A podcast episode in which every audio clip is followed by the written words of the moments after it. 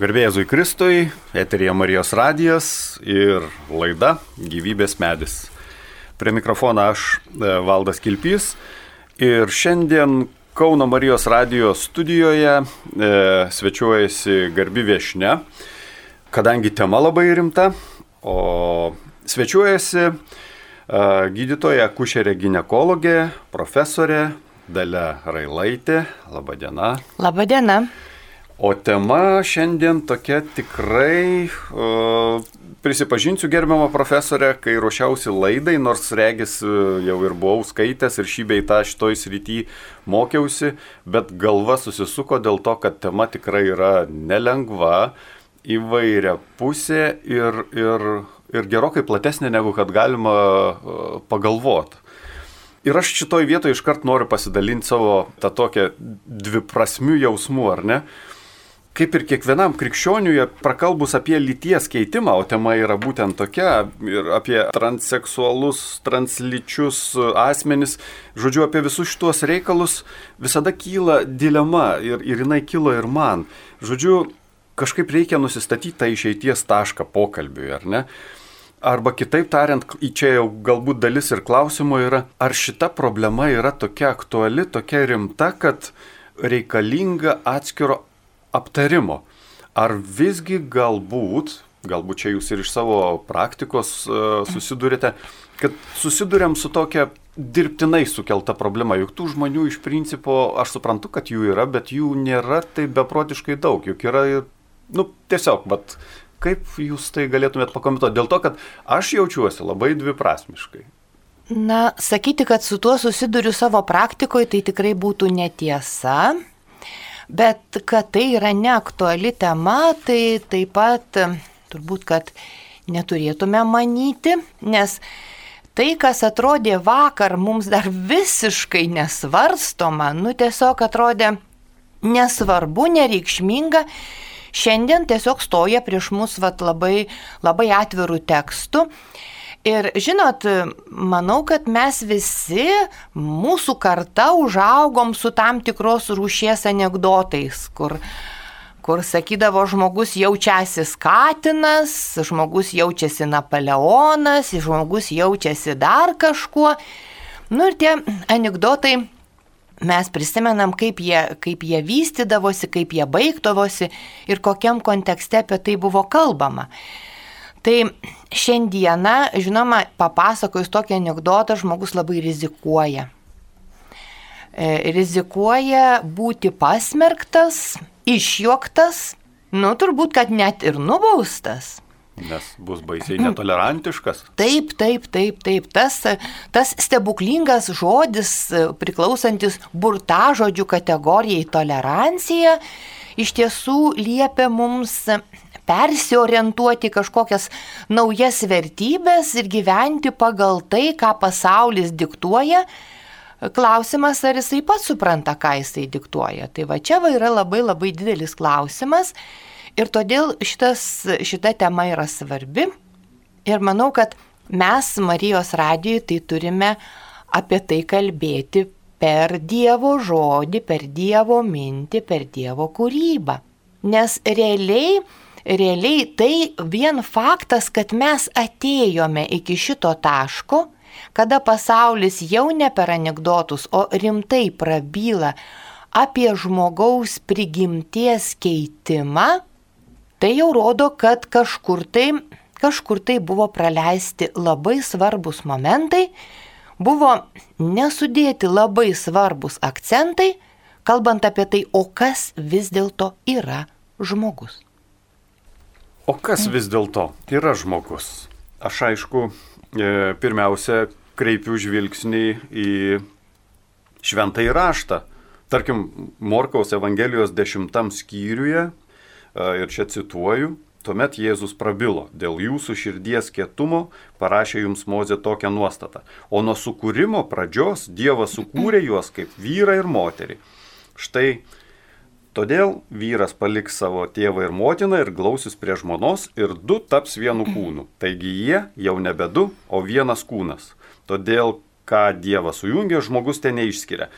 Tai uh, žmogus, pagal krikščionišką antropologiją yra pilnutinis žmogus, vyro ir moters sąjunga.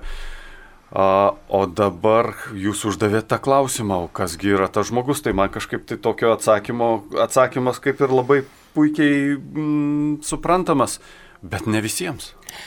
Žinot, o aš tai dar, dar anksčiau paimčiau Dievo žodį, dar ankstesnį, nes ko gero turbūt, kad reikia pradėti nuo sukūrimo, ar ne? Dievas sukūrė žmogų, tai visų pirma mes turime E, pasakyti, kad žmogus yra Dievo kūrinys. Taip. Ir Dievas sukūrė žmogų pagal savo paveikslą ir panašumą. Tai ko gero turbūt čia slypi pati didžiausia gelmė, pati didžiausia tiesa. Ir mes niekaip negalime pamiršti, kad sukūręs žmogų, Dievas davė žmogui Nu, galima būtų pasakyti tokias tris dovanas, ar ne? Aš taip įvardinčiau. Pirmas dalykas, Dievas davė žmogui kūną. Žmogaus kūnas yra taip pat Dievo kūrinys, duotas žmogui. Ir duotas žmogui tam, kad jisai pasiektų savo galutinį tikslą. Mūsų visų galutinis tikslas, mes suprantam, tai yra amžinybė. Ar ne?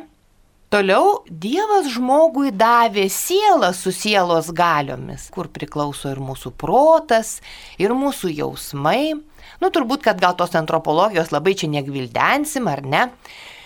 Ir dar vienas dalykas, ką žmogus turi, tai yra dvasia.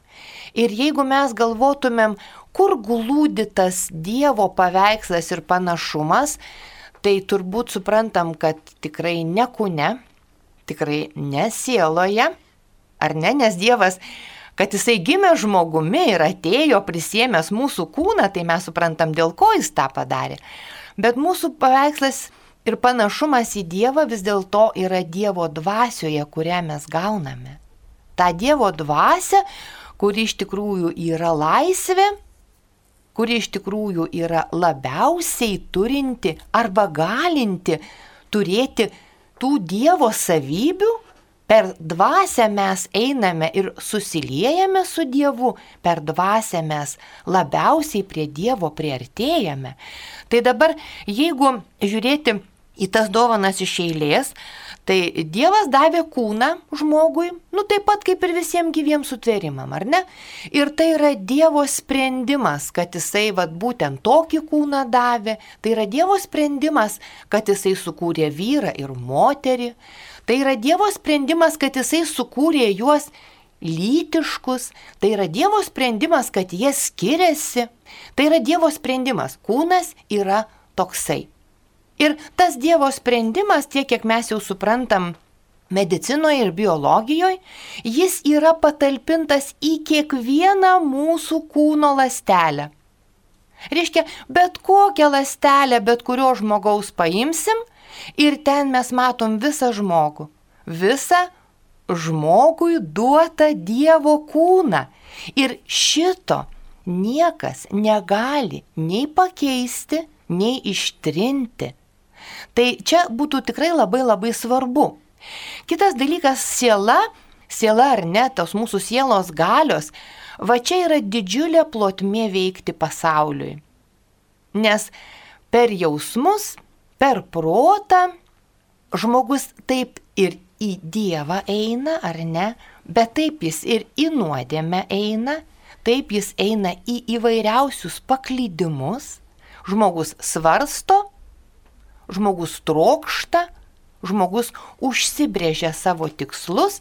Ir vad būtent čia toje sieloje ir vyksta kova, kaip žmogus save suvokia, kaip žmogus save priima, kuo žmogus save laiko, kaip žmogus mato savo galutinį tikslą buvimo žemėje ar ne, kaip jisai mato tą kelionę, tą tikslų realizavimą. Vat štai sieloje ir vyksta viskas, visas tas sprendimas ir apsisprendimas, kaip man patinka ar nepatinka mano kūnas, mano kaimynas, mano namas, mano profesija, sakykime, mano gyvenimas, kito gyvenimas. Tai šitoje situacijoje siela yra be galo, be galo svarbi mūsų temoje, apie kurią mes kalbam. Na, o Dievo dvasia, žinot, mes nedaug te galime suprasti apie dvasę, iš tikrųjų reikia pripažinti, kad mes nedaug te galime. Kiek pati dvasia mums pasako mūsų giliausioji, giliausioji sielos gelmėje. Tai, tai iš tikrųjų, jeigu, jeigu kalbėti taip jau iš tokios iš tokios tikinčio žmogaus pozicijos, tai vad mūsų centras, mūsų viskas, mūsų pradžia ir pabaiga yra Kristus. Žmogus, tikras žmogus ir tikras Dievas. Vat iš čia mes turim semtis visų atsakymų.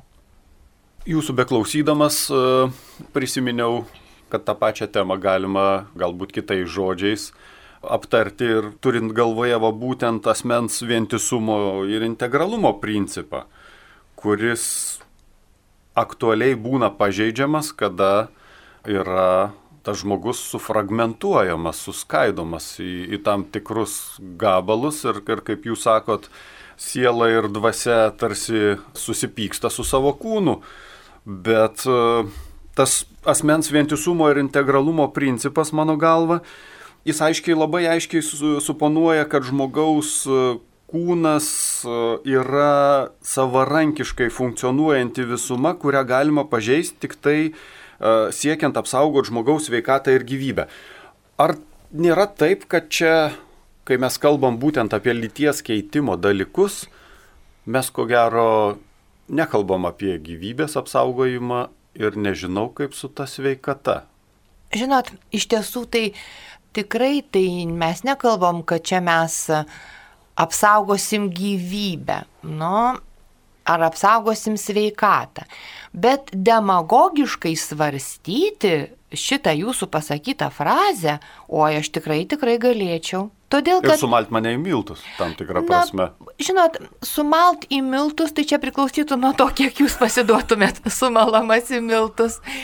Bet, e, matot, Mūsų diskusija visada vyksta priklausomai nuo to, kiek mes leidžiam tam pašnekovui, tarkime, įtakoti mus ir su, mum, su mumis ginčytis. Bet aš jums galiu pasakyti argumentaciją va tokią demagogišką. Jeigu aš, būdama savo kūne, jaučiuosi labai labai blogai, aš visiškai jaučiuosi ne tuo žmogum, mano psichinė sveikata, yra kiekvieną dieną bloga. Ar ne? Aš nenoriu nieko. Ir taip mes galim prieiti prie to, kad aš galiu pakelti ranką prieš save, taigi grėsmė gyvybei. Ir suprantat, ir tai yra, tai yra vienas iš tokių manipulacinių e, elementų, kada mes girdime labai dažnai. Bet žinot, bet čia vėlgi mes negalime nutolti nuo to, kas yra kas yra mūsų galutinis tikslas. Ir vėlgi neturime pamiršti to, kad kūnas ir apskritai mūsų visas šitas gyvenimas yra tam, kad mes paruoštumėm save amžinybei. Juk Jėzus yra pasakę, kūnas nieko nereiškia. Ir žinot, tas, tas dabartinis, va tai, ką aš matau daugybę, daugybę metų, kuo labiau vystosi medicina, kuo daugiau jinai pasiekia, tuo daugiau žmogus sureikšmina savo kūną, savo kūno sveikatą, tuo labiau jis už ją kovoja, tuo labiau sveikatoje jis mato išsigelbėjimą. Suprantat, nu juk mes visi numirsim. Ir ar dabar mano tikslas yra, kad aš mirčiau sveika, ar mano tikslas yra, kad aš mirčiau tada, kada aš esu arčiausiai viešpatės. Arčiausiai jo malonės. Bet žinot, šitoje situacijoje turbūt vis dėlto, kaip be bebūtų, mums reikia kodėl kalbam apie tai, mums reikia galvoti, o kodėl taip nutiko. Kodėl taip nutiko? Kodėl pasaulis staiga ne tai, kad iškėlė klausimą, ar visi žmonės gerai jaučiasi savo lytinėje tapatybėje ar ne, bet iškėlė klausimą tokį, kad jeigu tu blogai jautiesi, kodėl žmogus turėtų trukdyti tau keisti Suprantat, va čia yra turbūt svarbiausia, nes, nes šita mintis, kad žmogus gali laisvai keisti savo lytį, nu jinai gimė ir augo tam tikroj dirvoj. Ir šitą dirvą aš pavadinčiau melas.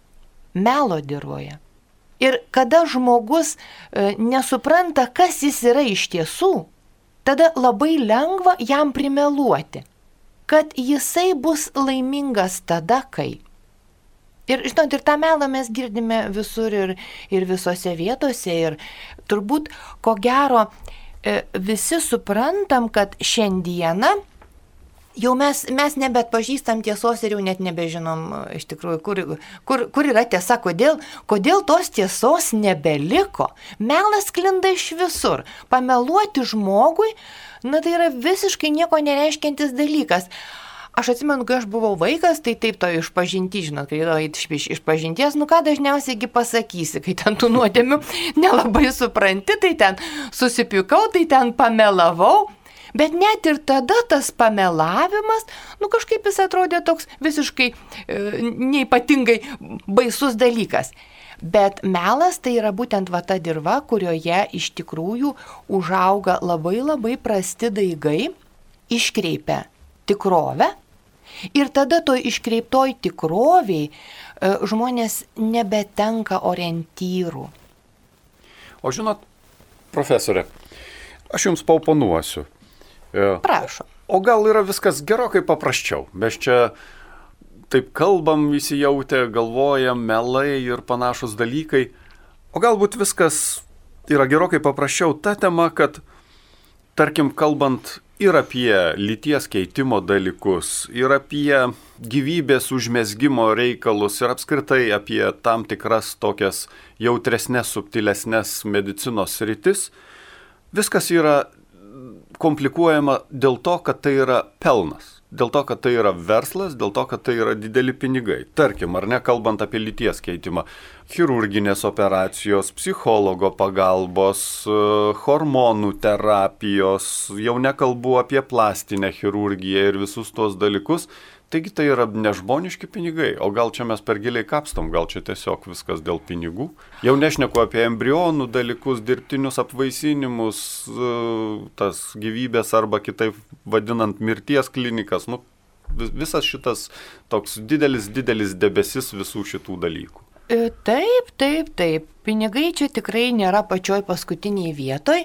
Ir va, jeigu aš sakyčiau, kad, tarkime, melas ir iškreiptas pasaulio rodimas ir matymas yra dirba, sakykime ar ne, tai mm, grūdeliai, kurios po to pasėja į žmonių sąmonę, ar ne tie, tie nepasitenkinimo grūdeliai, kad galbūt jeigu būtų taip arba būtų anaip, tai jie turi būti laistomi. Žinoma, šitą dirbą puikiai laisto pinigėliai. Tai jau tikrai, tikrai taip. Tikrai taip. Ir žinot, o jūs pasižiūrėkit, kur kitaip? Kurioje vietoje yra kitaip? Nu, kur nelaisto pinigai, melo, apgaulės ir, ir visokių iškrypimų, jūs man pasakykit, kurioje vietoje? Visur yra didžiuliai pinigai. Ir dėl to, va tai, ką jūs pasakėte, tai ir yra labai didelė problema, nes pinigai, kaip bebūtų gaila, valdo pasaulį. Kieno rankose yra pinigai? Tų rankose, kurių rankose yra ir valdžia. Taigi valdžia ir pinigai iš tiesų gali daryti daugybę, daugybę dalykų. Ir čia e, žmonės, netgi tie, kurie turi sveiką protą, kurie labai teisingai masto, dėja yra nustumiami į pašalę, išjuokiami, iš tiesų va tai, kas, ką mes matome kiekvieną dieną, ko bijo žmonės, kodėl žmonės bijo pasakyti savo nuomonę, kodėl žmonės bijo pasakyti, ką aš galvoju. Žinot, čia jeigu mes žiūrėtumėm, bet tokia vis tiek truputėlį, kadangi e, aš esu kušerė gynekologija, esu gydytoja, vis tiek truputį noriu prieiti prie tokios šiek tiek medicininės tos, tos visos problemos pusės. Žinot, yra labai e, įdomių dalykų, kaip Dievas duoda žmogui kūną. Tikrai yra. Žinot, yra įvairiausių atvejų, kada žmogus gimsta, neturėdamas labai aiškios lyties apibriešties. Hermafroditai. Nu, žinot, čia hermafroditai tai va toks, va toks, nu, toks populiarus pavadinimas. Aš nenorėčiau galbūt jų įvardinti, bet kaip, kaip gydytoja aš esu susitikusi su žmonėmis, kurių išvaizda byloja vieną, tuo tarpu chromosomos, kurios apsprendžia, kas aš vyras ar moteris, byloja kitą. Taigi yra keistų dalykų, yra labai keistų dalykų. Turime mes pripažinti dar ir tai, kad vis tiek mūsų organizmą labai valdo hormonai. Nu visi turbūt žino, kad tie, kurie nori keisti lytį, tai jau ten nuo hormonų pradeda, ar ne? Taigi, mūsų organizmą valdo hormonai.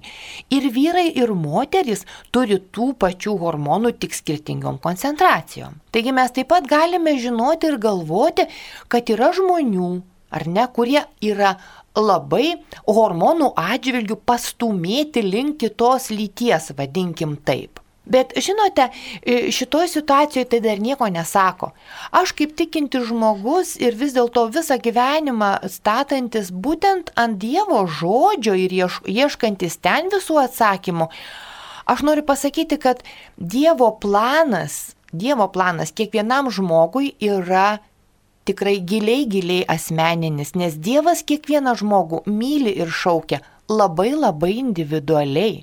Ir taip kaip jisai duoda kūną žmogui su tam tikra negale, duoda kūną žmogui su tam tikrais trūkumais ar ne, tai mes nesuprasim šito Dievo plano, bet vėlgi mes galime patikėti, kad mylintis Dievas per tokį kūną duoda mums tam tikras užduotis, kurias mes turime išspręsti, jeigu sutinkame su mintim, kad mūsų tikslas yra pereiti per gyvenimą ir nueiti į amžinybę.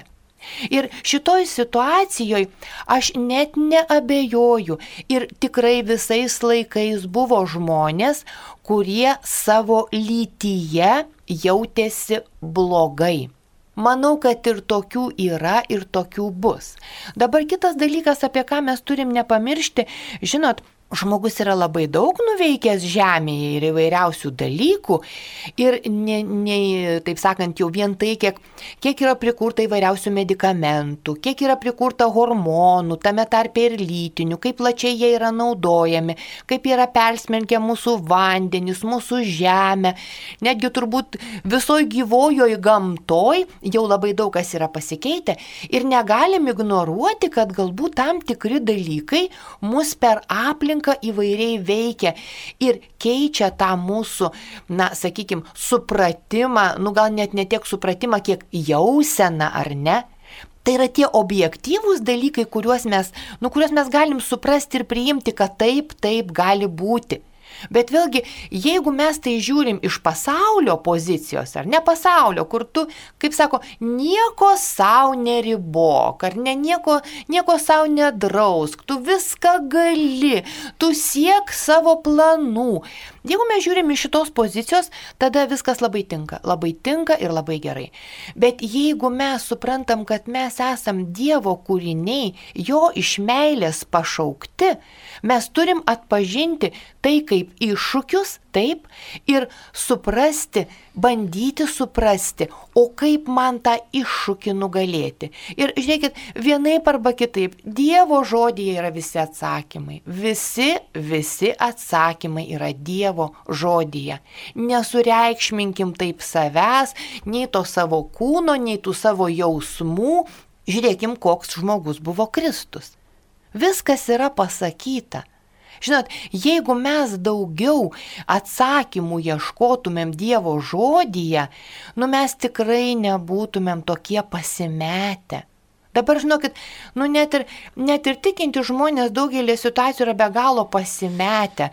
Tarp tos tolerancijos mes visi suprantam, kad kitokio žmogaus, koks jis bebūtų ar ne, ar jis yra labai negražus dėl to, kad jo veidas sudarkytas, ar ne, ar jis yra labai bjaurus, nes jisai patyrė smurtą, vaikystėje augo nemylimas ar jisai turi kitokį suvokimą, kokioj lyty jisai gyvena. Mes į kiekvieną tokį žmogų turime žiūrėti su meile, ar ne taip, kaip Dievas žiūri. Tiksliau, mes turime mesti savo klišę, savo stereotipus, kad žmogus turi būti tik toks ir ne kitoks ir leisti, kad Dievas per mus į tą žmogų pasižiūrėtų su meile. Bet tai nereiškia, kad mes dabar pradėsim perdaryti žmogų, pataikaudami jo kažkokiom vaizduotėm, ar ne? šiandien aš jaučiuosi katinu, tai dabar man prisiūkit uodegą, nes meukti aš ir taip moku. Suprantate, tai yra, nu čia yra tokia, toks šaržavimas, bet mes turim, mes turim prieiti prie tų žmonių, nepriklausomai nuo to, tiki jie Dievą, jaučiasi jie Dievo vaikų, jaučiasi jie Dievo kūriniu, ar, ar galvoja, kad gandras juos atnešė tam, kad jie pilnai išsiskleistų savo emocijose. Mes prie tų žmonių turim prieiti su atidumu, su meile pagal jų supratimo lygį. Ir už tai, bet aš noriu pasakyti, kad paauglį, paauglį iš tikrųjų e, leisti pasirinkti lytį, nu tai supranta, tai yra Tai yra toks tamsos ir jau konkrečiai pasakysiu, šietono darbas, kuris iš tiesų eina į, eina į žmogaus sunaikinimą. Jūs pažiūrėkite, o kaip tada su tai žmonėm, ar ne? Ar jie, jeigu šitaip žiūri į save, kaip jie, kaip jie toliau žiūri visus kitus žmonės, kurie yra aplinkui? Suprantat, čia yra labai labai baisus dalykai ir svarbiausia, kad jeigu mes pripažįstam, kad tarkime paauglys turi teisę nuspręsti, kas jisai yra, tai e, šitoj situacijoje mes įsikišam į žmogaus kūną tada, kada jisai dar nesusiformavęs, padarome tai, kas yra baisiausia ir negryžtama, o mes suprantam, iš kur kyla, iš kur kyla tos mintis, juk suprantam, ar ne, mesgi visi buvom paaugliai. Mes suprantam, kad mes esame ištautojai kažkokiam amžiuje. Ir kaip lengva, kada tau visas pasaulis stovi ne ant kojų, o ant galvos, kaip lengva yra pasakyti, kad jis stovi ant galvos todėl, kad tu netoj lytiesi, sutrikusi tavo tapatybė. Suprantat, ir kas yra baisiausia, kad tie, kurie šitą idėją puoselėja, vėliau ją nusiplaus rankas. Juk jie nelydės to žmogaus per gyvenimą. Jie nekentės su juo. Ir kada, juk vis tiek kažkada šitie dalykai baigėsi ir žmogus stoja į tiesą. Tas tiesa. Ir tarsi jums antrindamas, besiruoždamas laidai, iš tikrųjų skaičiau nemažai tokių tinklaraščių galbūt, kaip ten net nežinau pavadinti, blogų ar ne. Ir viena tokia į Londoną išvykusi lietuvė ar lietuvis, jau nebežinau net ir ką pasakyti. Zofija jinai save vadina. Aš tiesiog noriu pacituoti, kad, e, ir kad ši, ši citata labai tiksliai atspindi būtent tai, ką jūs sakote. Štai kaip jinai rašo. Būk tuo, ko nori būti ir statyk save į pirmą vietą visada bus tų, kurie tave mylės visokia ir tokia ir kitokia, kokia esi iš tikrųjų. Tai man tai čia labai susišaukia su jūsų va, būtent pasakymu, kad visada statyk save į pirmą vietą, nesvarbu, kas bebūtų ir, žodžiu, jeigu tau jau mm, kažkas netaip darosi, tu vis tiek statyk save į pirmą vietą. Ne Dievą, ne kažkokią bendruomenę. E, tai čia toks tiesiog kaip patvirtinimas. Bet aš noriu užduoti Jums e, kitą klausimą, e, kuris yra susijęs irgi iš dalies su tuo, ką Jūs ką tik tai kalbėjote. Ar nėra taip, kad mes susidurėm su šitos visos problemos sprendimo radikalumo klausimu? Kitaip tariant, kad chirurginis gydimas tarsi a priori yra suvokiamas kaip pranašesnis už psichoterapiją, jeigu taip jau mediciniškai išnekant. Ir per greitai yra griebiamas į skalpelio. Ir jeigu tu, galbūt žmonės galima pirmiausia pabandyti išgydyti būtent psichoterapiją, o giliausia prasme meilę, supratimu. Tai čia viskas priklausytų nuo to, kas tą gydimą vysto, kas tą gydimą planuoja ir kas tą gydimą realizuoja. Jūs suprantate, na, bet truputį toks žingsniukas į šalį, mano viena e, gera pažįstama, tai patikinti žmogus sako, žinok, sako, staiga dabar aš patikėjau, kad yra šitonas kaip jėga. Tai žinot, vad dabar ir reikia mums iš tiesų labai įsivardinti. O kas stovi už šitų žmonių? Kas už jų stovi? Jeigu už jų stovi tie, kurie nori, kad žmogaus kaip Dievo paveikslo neliktų, galbūt iš viso žmonija išnyktų ar kažkas panašaus. Tai tokiu atveju jų tikslas yra veikti kuo didesniais maštabais ir kuo greičiau. Pažiūrėkite, jeigu mes veikiame psichologiją ar ne, šiandien mes veikiame vienaip, rytoj galime veikti kitaip, po savaitės dar kitaip, žodžiai gali labai greitai keistis. Jeigu mes veikiame medikamentais, medikamentai paveikia, tačiau jeigu mes nustojame medikamentus skirti, natūrali žmogaus prigimtis tiesa jau sužalota, bet jinai vis tiek grįž, keliaus, nu, žinot, į tą savo esatį. Jeigu mes padarome chirurgiją, o kai Tada kurie jau. dalykai jau net nebegali būti sugražinti. Jeigu man nupjovė krūtis, nu jų man niekas daugiau nebeprisius. Gali įdėti implantus. Taip? Suprantat, tai yra jau negryžtami dalykai.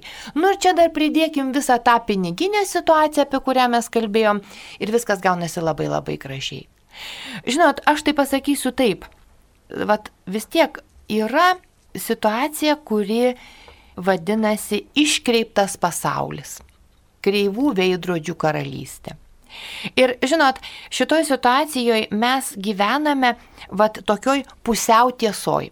Labai daug yra pasakoma argumentų, kurie tarsi protą visiškai galėtų ir pamaitinti. Bet ta pusiau tiesa, jinai žmogų tik tai sužaloja ir finale apiplėšus jinai jį palieka be nieko. Čia kaip nuodėmė. Ir šitoj situacijoje aš vis tiek labai labai e, primiktinai, vis tiek mes kalbam Marijos radijui, mes kalbam žmonėm, kurie realiai turbūt tikrai nekeis juk tos lyties, ar ne? Tai e, jau dažniausiai, e, nu, sakykime, turbūt tai yra žmonės, kurie mūsų klauso ir turi netgi galbūt ir savo nuomonę, taip, savo nuomonę galbūt ir labai panašią kaip mundviejų. Bet kiekvienas žmogus gali savęs paklausti, o ką aš, ką aš šitoj situacijoje turėčiau ir galėčiau daryti kitaip, kad pas mus nekiltų ir neauktų tokios mintis ir tokios idėjos. Žiūrėkite, jūs pamatysite, jeigu, jeigu neįvyks kažkokie ypatingi pasikeitimai pasaulyje, mes tikrai Lietuvoje turėsime tai, kas yra jau dabar Kanadoje, Olandijoje ar ne. O kodėl tie žmonės nori keisti lytį? Na, sakykime, yra ta dalis, apie kurią aš kalbėjau, negryšiu. Bet dažniausiai tai yra todėl, kad jie auga be meilės. Vat reikia sugražinti meilę į šeimas. Reikia nustoti vaikytis gerbuvio. Kas dabar yra svarbiausia vaikams? Gerbuvis, ar ne? O kur meilė? Kodėl tie vaikai pradeda blogai jausti savo kūnę? Kodėl jiems kyla tokios mintis?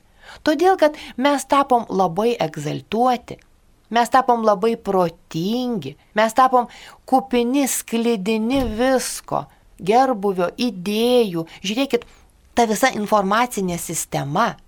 Ar ne? Vaikai apleisti sėdi telefonuose. Kūno dalis yra telefonai. Ir kodėl? Ir kodėl tada nepasinaudoti tomis gražiomis idėjomis? Ar iš viso tėvai žino, ką galvoja jų vaikai? O kur senelių vaidmuo? Kur iš tikrųjų mūsų šeimos? Tai suprantat, va šitoj vietoj reikia ieškoti tų giluminių šaknų.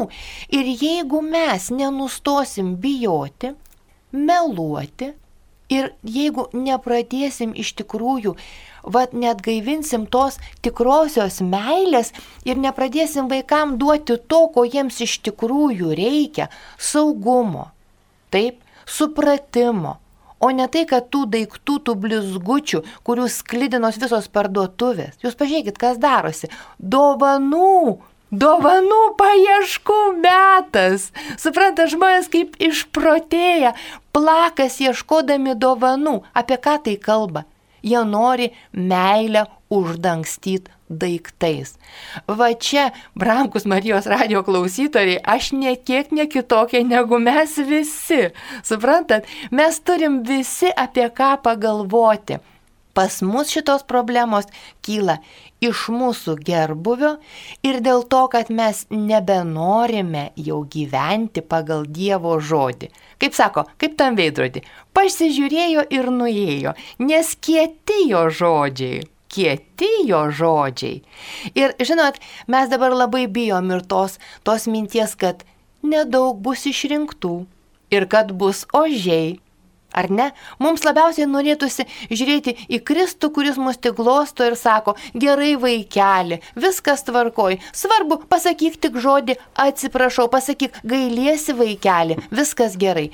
Tai netiesa, skaitykim Dievo žodį ir mes pamatysim, kokia atsakomybė už savo gyvenimą glūdi. Mes iš tikrųjų, kaip sako va, kas nemoka elgtis, gerai su svetimu daiktu, kas jam duos jo? Tai vad pagalvokim apie tai iš tikrųjų, kad mes ne tai, kad nemokam, mes net nesistengiam gerai elgtis su tais daiktais ir su tais žmonėm, kurie mums patikėti.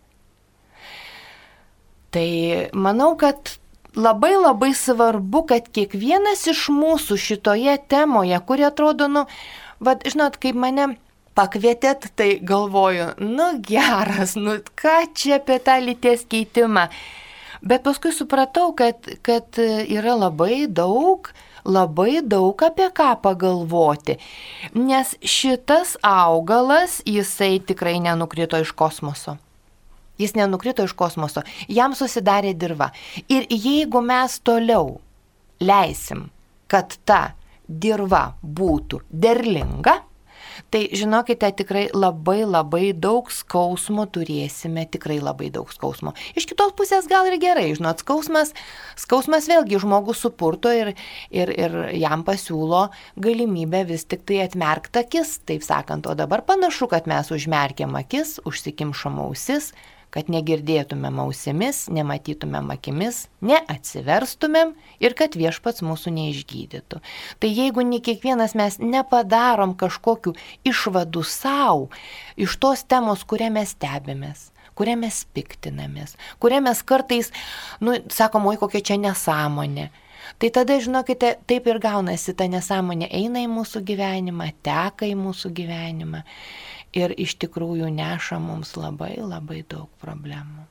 Bet viešpats yra, yra jo žodis, yra kelias, jis yra tiesa, gyvenimas ir, ir mes kiekvienas iš tiesų labai labai turim daug apie ką pagalvoti, kad ypatingai šį laiką mes, mes turim labai daug apie ką pagalvoti, metai keičiasi.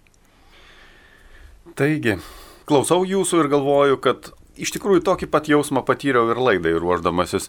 Iš vienos pusės, kai pradedi skaityti apie šitą problematiką, susisuka galva dėl to, kad ir, biologinės lytis, nu, nebepradėsim vėl, kadangi laidos laikas jau baigėsi, daug įvairių perskirų, daug įvairių dalykų, bet galiausiai, kaip ir jūs sakot, viskas susiveda į tuos paprastus, bet tikrus dalykus. Meilė, supratimas, dėmesys, ir galbūt šiek tiek atsisakymas to, tų daiktų ir tai bus viskas gerai.